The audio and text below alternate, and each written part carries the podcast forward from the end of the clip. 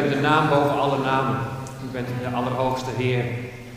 We danken u dat we in uw naam hier bijeen mogen zijn. We danken u, Heer, dat we uit uw hand uw woord hebben mogen ontvangen. dit woord willen we openen, willen we lezen met elkaar en willen u bidden, Heer, wilt u het in onze harten bevestigen. Wilt u ons leiden, Heer, dat we in alles en door alles heen uw grootheid mogen zien. U komt toe alle lof, alle dank, aanbidding en glorie.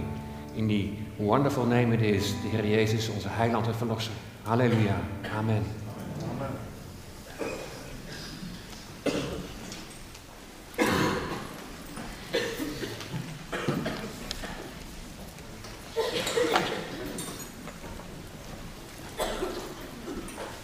God Story, het verhaal van God. We hebben met betrekking tot de serie die we begonnen zijn over de God Story stilgestaan de afgelopen zondagen bij de schepping in het algemeen en de schepping van de mens.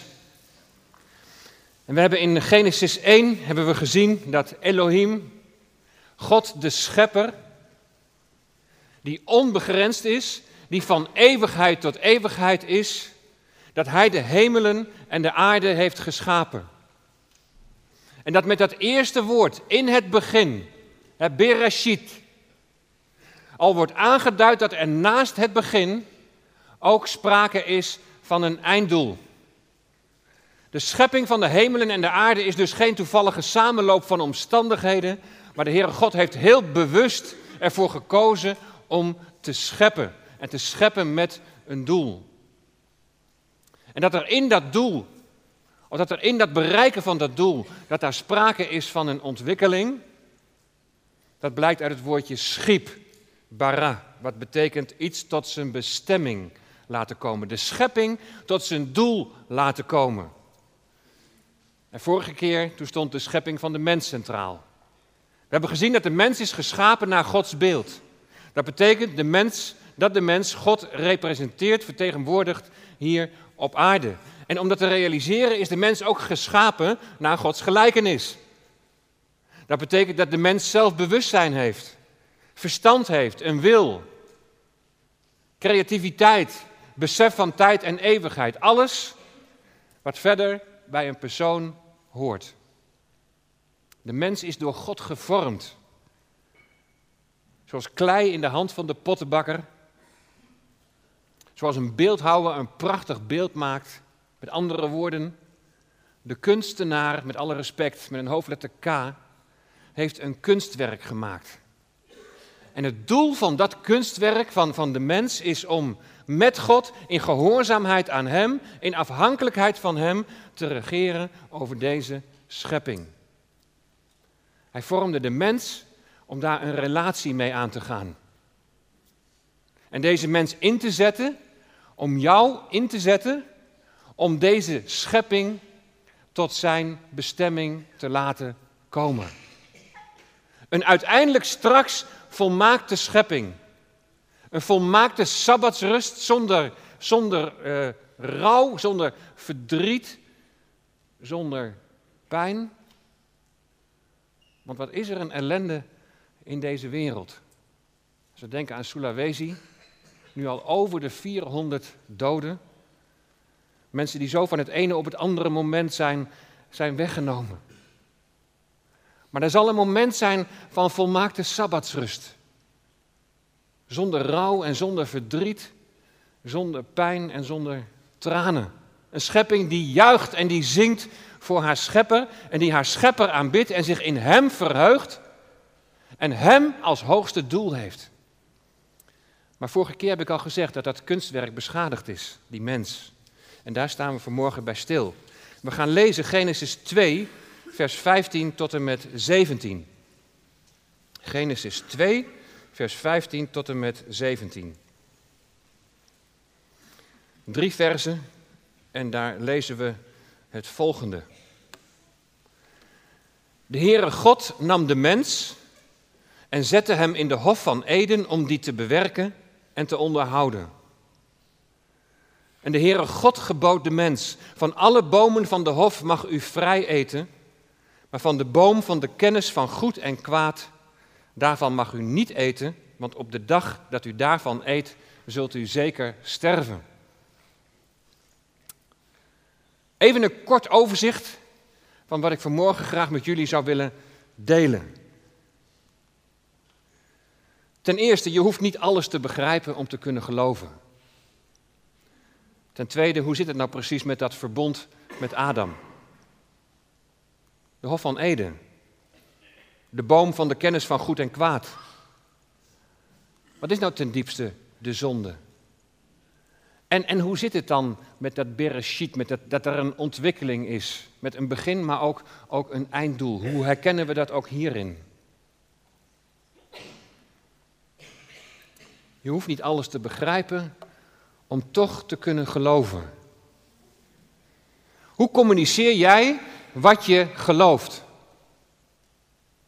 Het is mijn ervaring dat je in gesprek met ongelovigen vragen kunt krijgen waar je zelf nog nooit over hebt nagedacht.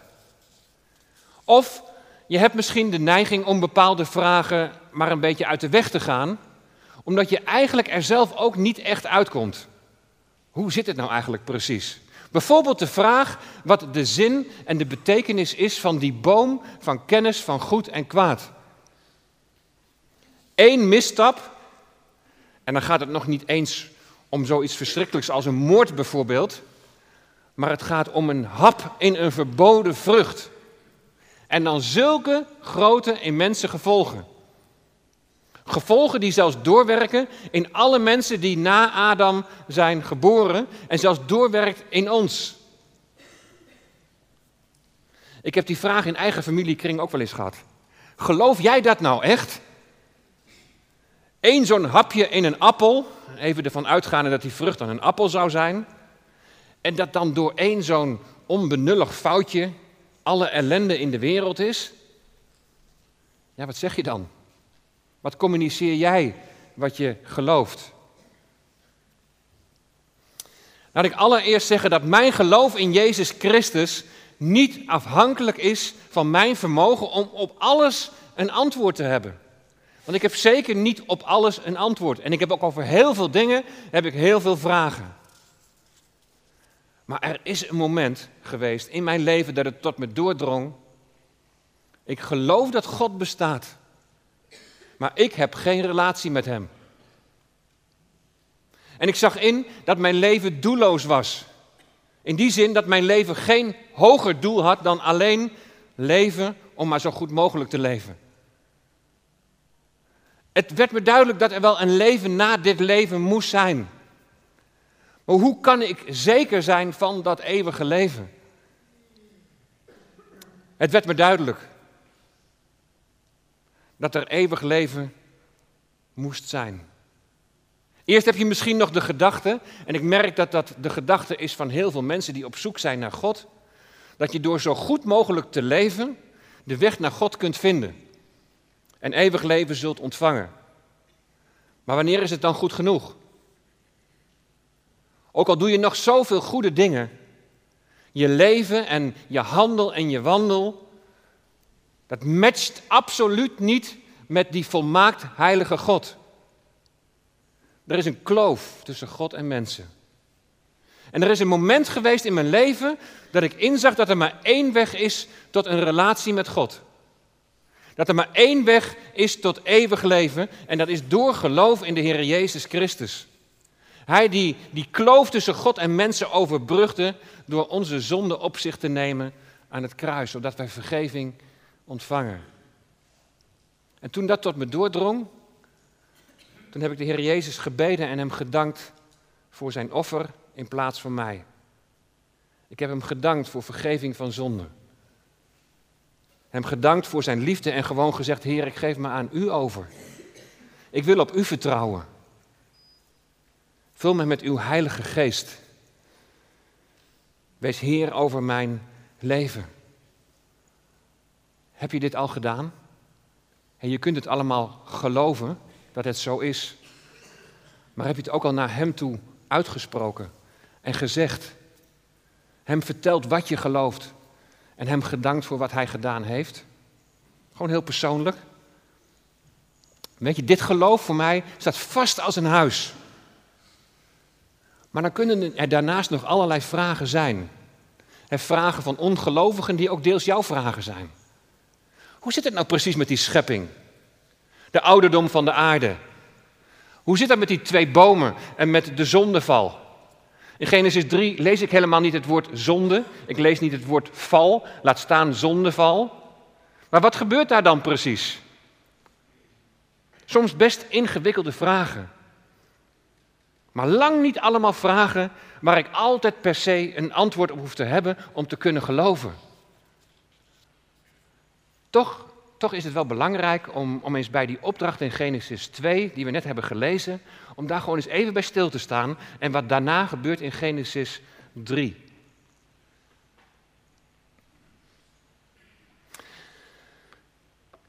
Het meer begrijpen van die situatie in Genesis 2 en 3 die kan helpen om nog beter te begrijpen hoe je als mens staat in verhouding tot je schepper.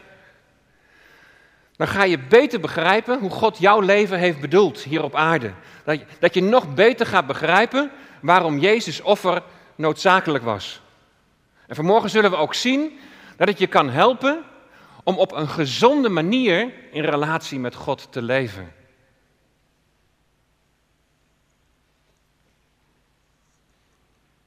De komende prekenserie die gaat over de verbonden in de Bijbel. Met als doel, hoe communiceer jij nou je geloof? Een verbond, dat is een overeenkomst die God met mensen sluit. En vandaag het verbond met Adam. En dit verbond wordt in de theologie ook wel het werkverbond genoemd. Nu is de term verbond hier nog niet het juiste woord. Bij Noach is er pas sprake van een verbond. Daar wordt het ook concreet zo benoemd. Maar hoewel we in Genesis 1 tot en met 3 niet lezen over een officiële verbondsluiting, is er wel sprake van een bepaalde overeenkomst. We hebben net gelezen dat God van de mens vraagt om hem gehoorzaam te zijn door niet te eten van de boom van de kennis van goed en kwaad. Een overeenkomst, een afspraak. En een afspraak met wie? Een afspraak met de mens, hebben we gelezen. De vorige keer hebben we gezien dat in het Hebreeuws voor de mens Ha-Adam staat.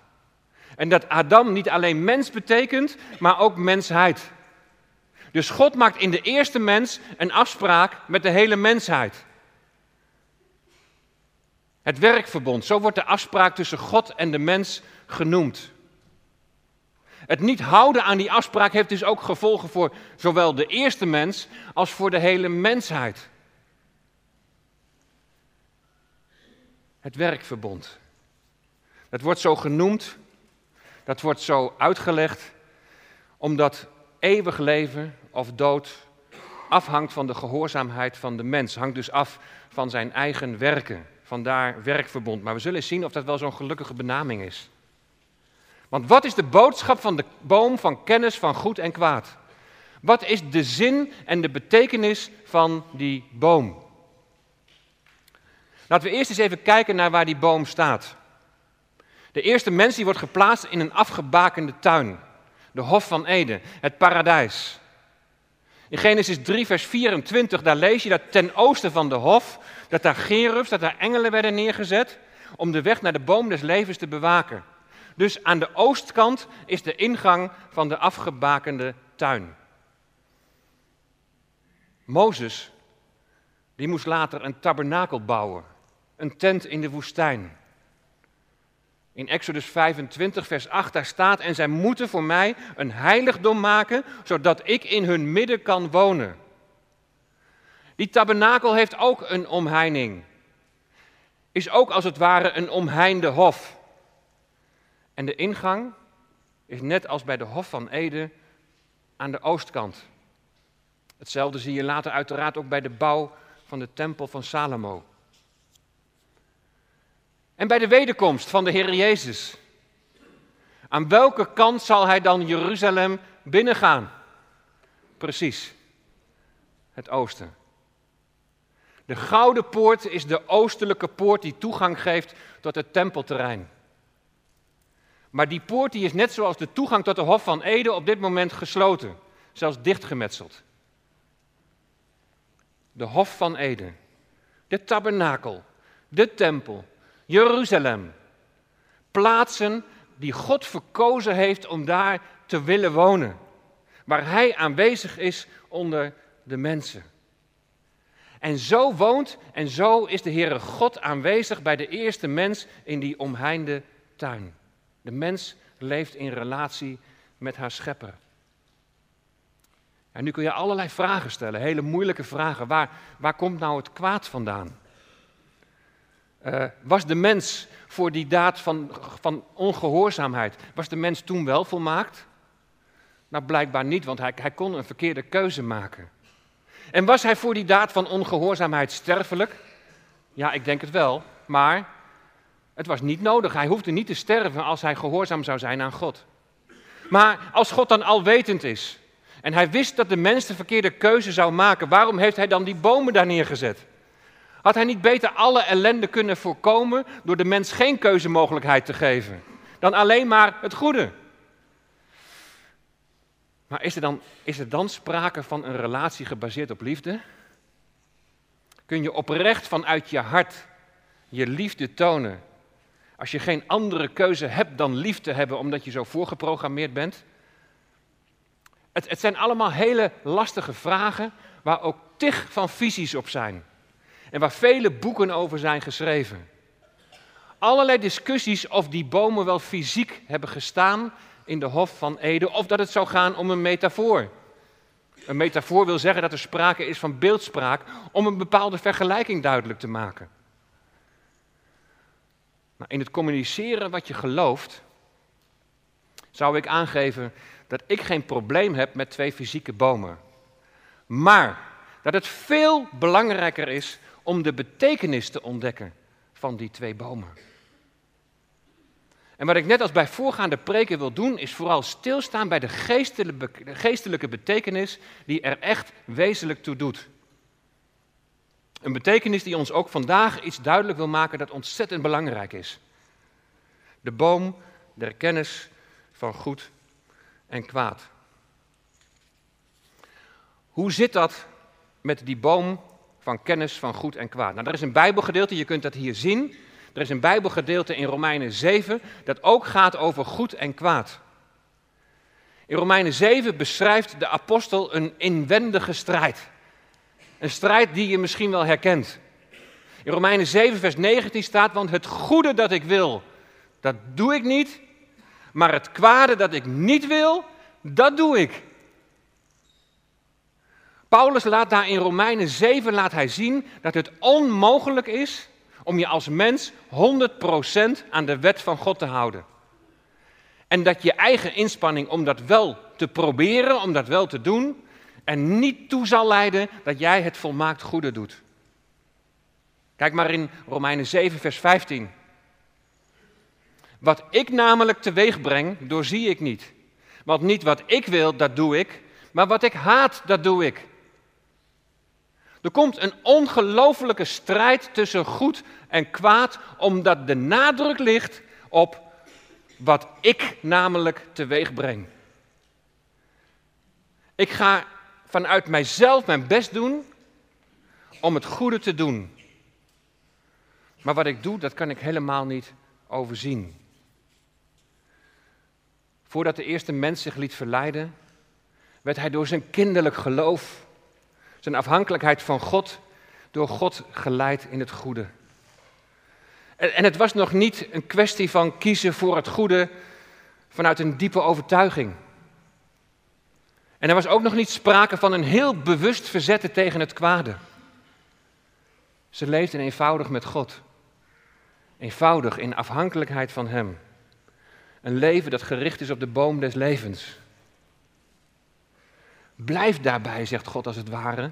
En blijf uit de buurt van die boom van kennis van goed en kwaad. Want dan kom je zelf tot het onderscheid van goed en kwaad.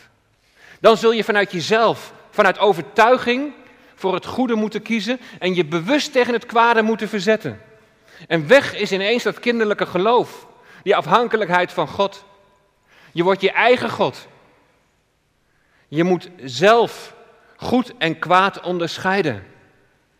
En zo kom je in het spanningsveld terecht van Romeinen 7, vers 19. Want het goede dat ik wil, dat doe ik niet, maar het kwade dat ik niet wil, dat doe ik.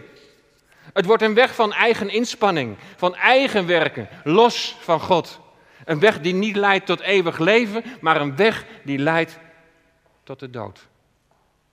Het los van God zijn, je eigen weg bepalen, niet meer op Hem vertrouwen, leidt tot de dood.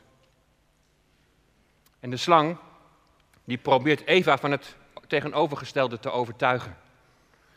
Die slang die zegt tegen de vrouw, u zult zeker niet sterven, maak je maar niet druk. Komt allemaal wel goed. Maar God weet dat op de dag dat u daarvan eet, uw ogen geopend zullen worden en dat u als God zult zijn, goed en kwaad kennend. De grote verleiding is dus dat zij als God zullen zijn. In die zin dat ze vanuit zichzelf, los van God, door eigen inspanning, denken eeuwig leven in zichzelf te hebben. Maar zo heeft God de mens niet geschapen. Zo heeft Hij de mens niet gemaakt, niet gevormd. God heeft de mens niet zo geschapen dat Hij eeuwig leven zelf kan bewerken, of zelf kan bereiken, of zelf kan verdienen. De keuze voor de boom van kennis van goed en kwaad betekent dat de mens gaat vertrouwen op eigen werken en op eigen kunnen. En ik zelf doen, brengt juist die innerlijke verdeeldheid teweeg. Dan kom je zelf tot het onderscheid van goed en kwaad en, en je slaagt er maar niet in om het goede te doen. En daarom roept Paulus het dan ook uit in Romeinen 7, vers 24. Ik ellendig mens. Wie zal mij verlossen uit het lichaam van deze dood? Zie je dat de geestelijke betekenis van, van de boom van kennis van goed en kwaad is, ik er zelf doen los van God. En dat dit een doodlopende weg is, een weg die uiteindelijk leidt tot de dood. Maar wat is nou eigenlijk ten diepste de zonde? Als Adam en Eva toch nemen van die vrucht, wat is dan ten diepste de zonde die zij begaan? En ze laten zich verleiden, ze gaan vertrouwen op eigen werken, Daarmee vertrouwen ze niet langer op God. En geloven is synoniem voor vertrouwen, dus, dus ze geven hun geloof in God geven ze op. Zonde betekent je doel missen. Wat ze missen door niet langer op God te vertrouwen, is te delen in zijn heerlijkheid en in zijn glorie. In Romeinen 3, vers 23 staat: Allen hebben gezondigd. Alle mensen hebben gezondigd en missen daardoor de heerlijkheid van God. En deze zonde is ten diepste ongeloof. Laten we nog eens verder kijken wat nu ten diepste die zonde is. Als je dat namelijk gaat begrijpen, dan snap je ook waarom het offer van de Heer Jezus zo noodzakelijk was. Ik neem jullie even mee naar Romeinen 5, vers 6. Want toen wij nog krachteloos waren, is Christus op de bestemde tijd voor goddelozen gestorven. Dus Jezus is op een bestemde tijd is hij gestorven op een tijd tevoren door God zelf bepaald. Hij stierf voor goddelozen, voor mensen die los van God zijn, die niet op Hem vertrouwen, maar hun eigen weg gaan. En in welke conditie bevindt de mens zich op dat moment? De mens is krachteloos. De mens is zwak. En dat betekent niet dat wij slappelingen zijn of watjes zijn. Nee, krachteloos dat duidt op de situatie waarin jij je bevindt als je nog niet gelooft. Een situatie waarin je niet in staat bent om rechtvaardig voor God te zijn. Krachteloos zijn, zwak zijn, dat geeft iets aan van onvermogen. Je onvermogen eeuwig leven te ontvangen door je werken, door eigen inspanning. Kortom, zonde is, je vertrouwt niet op God, je kiest je eigen weg en vertrouwt op eigen kracht. Het is een weg die leidt tot de dood. De zonde leidt tot de dood. De mens is deze weg gegaan. In die eerste, in die eerste mens is de hele mensheid besmet met de zonde. Ieder mens leeft van nature gescheiden van God. Dat is zonde. En dat maakt mensen tot zondaren die zondigen. Wij denken bij zonden al vaak aan allemaal verkeerde dingen die we doen.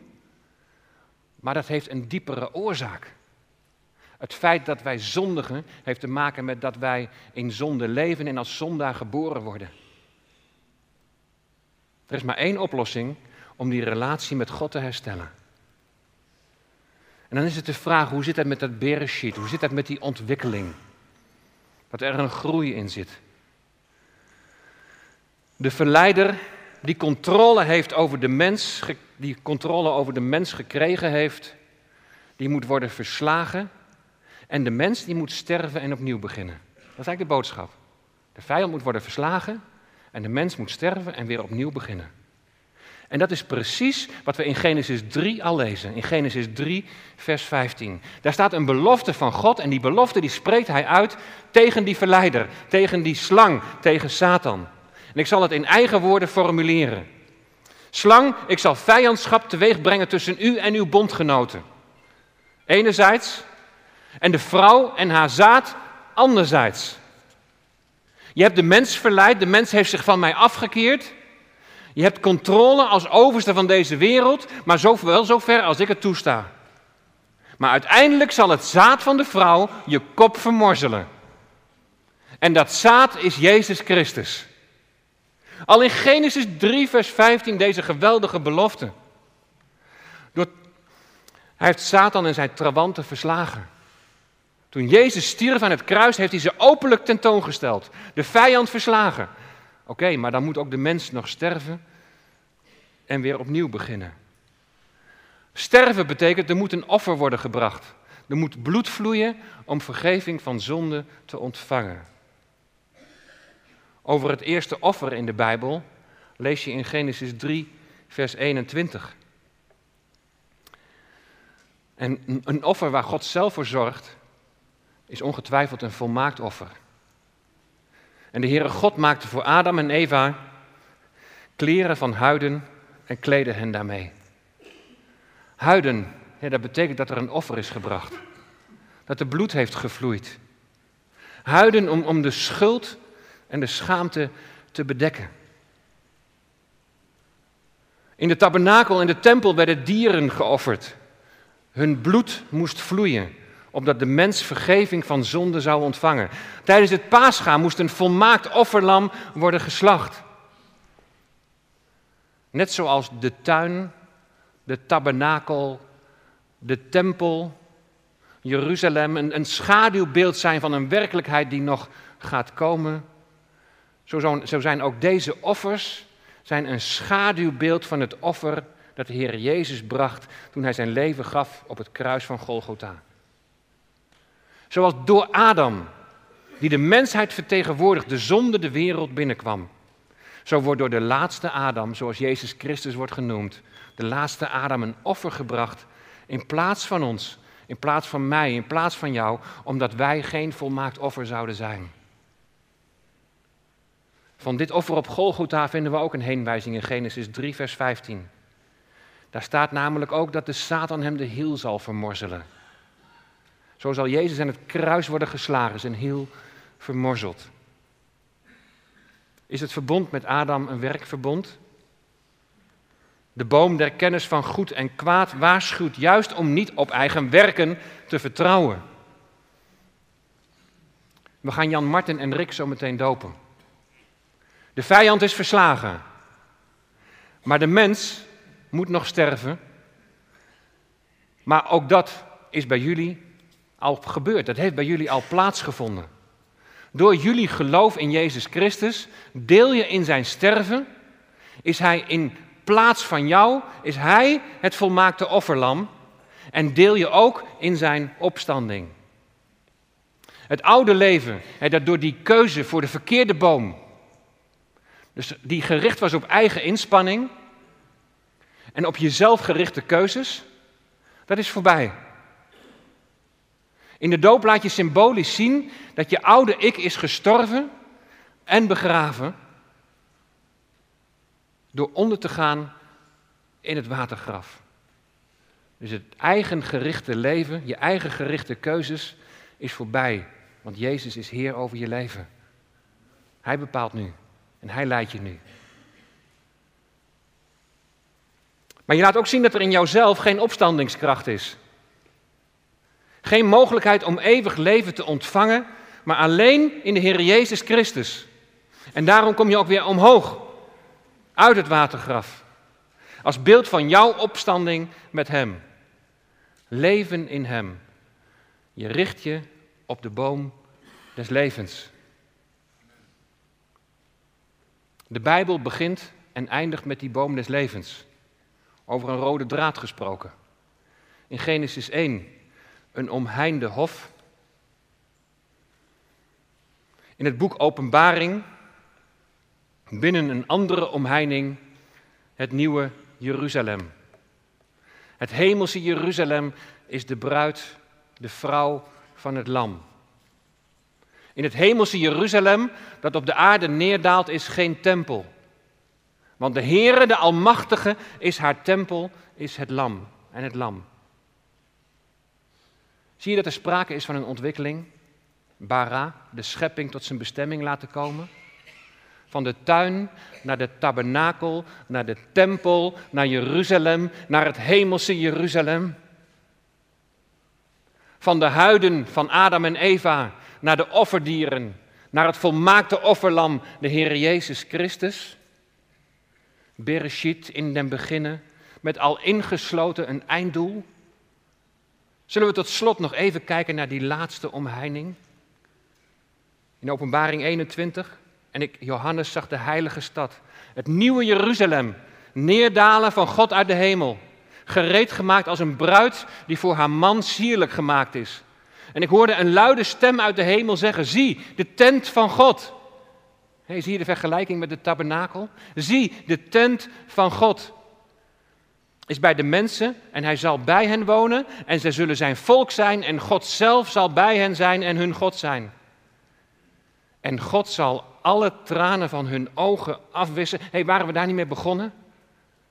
Het uiteindelijke doel, er zal geen rouw en geen tranen en geen verdriet meer zijn. God zal alle tranen van hun ogen afwissen en de dood zal er niet meer zijn. Ook geen rouw, geen jammerklacht of moeite zal er meer zijn, want de eerste dingen zijn voorbij gegaan. En hij die op de troon zit, zei: Zie, ik maak alle dingen nieuw. Dat nieuwe Jeruzalem is een tent, maar ook een stad met een tuin. Er stroomt een rivier van water des levens die uit de troon van God en van het Lam kwam. En weet je, daar bevindt zich ook die boom des levens. Weet je, ik geef jullie vanmorgen slechts een, een grote lijn. Als je alle details gaat bestuderen en gaat lezen, dan gaat het je duizelen. En dan, dan kom je onder de indruk van de grootte van Elohim. En onder de indruk van de ontferming van Yahweh. De ik ben, die aanwezig is. Hij die jouw kracht en die jouw sterkte wil zijn. Die jou wil maken tot een tempel van God. Een tempel van zijn geest. Die geest die jouw onderpand is voor die eeuwige erfenis, voor dat eeuwige leven. Hoe lang blijf je zelf nog worstelen? Ik zou zeggen, volg het voorbeeld van Jan Martin en Rick. In de doop laten zij zien, niks meer van mijzelf, niets in eigen kracht. Ik sterf, maar ik leef met Hem. En dat laten zien in de doop. Het oude is voorbij. Zie, het nieuwe is gekomen. Ik ben die ik ben, is zijn eeuwige naam. Zullen we het samen met elkaar gaan zingen? Een lied van, van bemoediging. God wil bij de mensen wonen. We hebben het zo overduidelijk vanmorgen mogen zien. God heeft verlangen om relatie met jou te hebben. Laat daartoe niets in de weg staan. En beleid dat je een zondaar bent. En vraag om vergeving van zonde. En prijs de Heer Jezus dat Hij alles gedragen heeft aan Golgotha's kruis.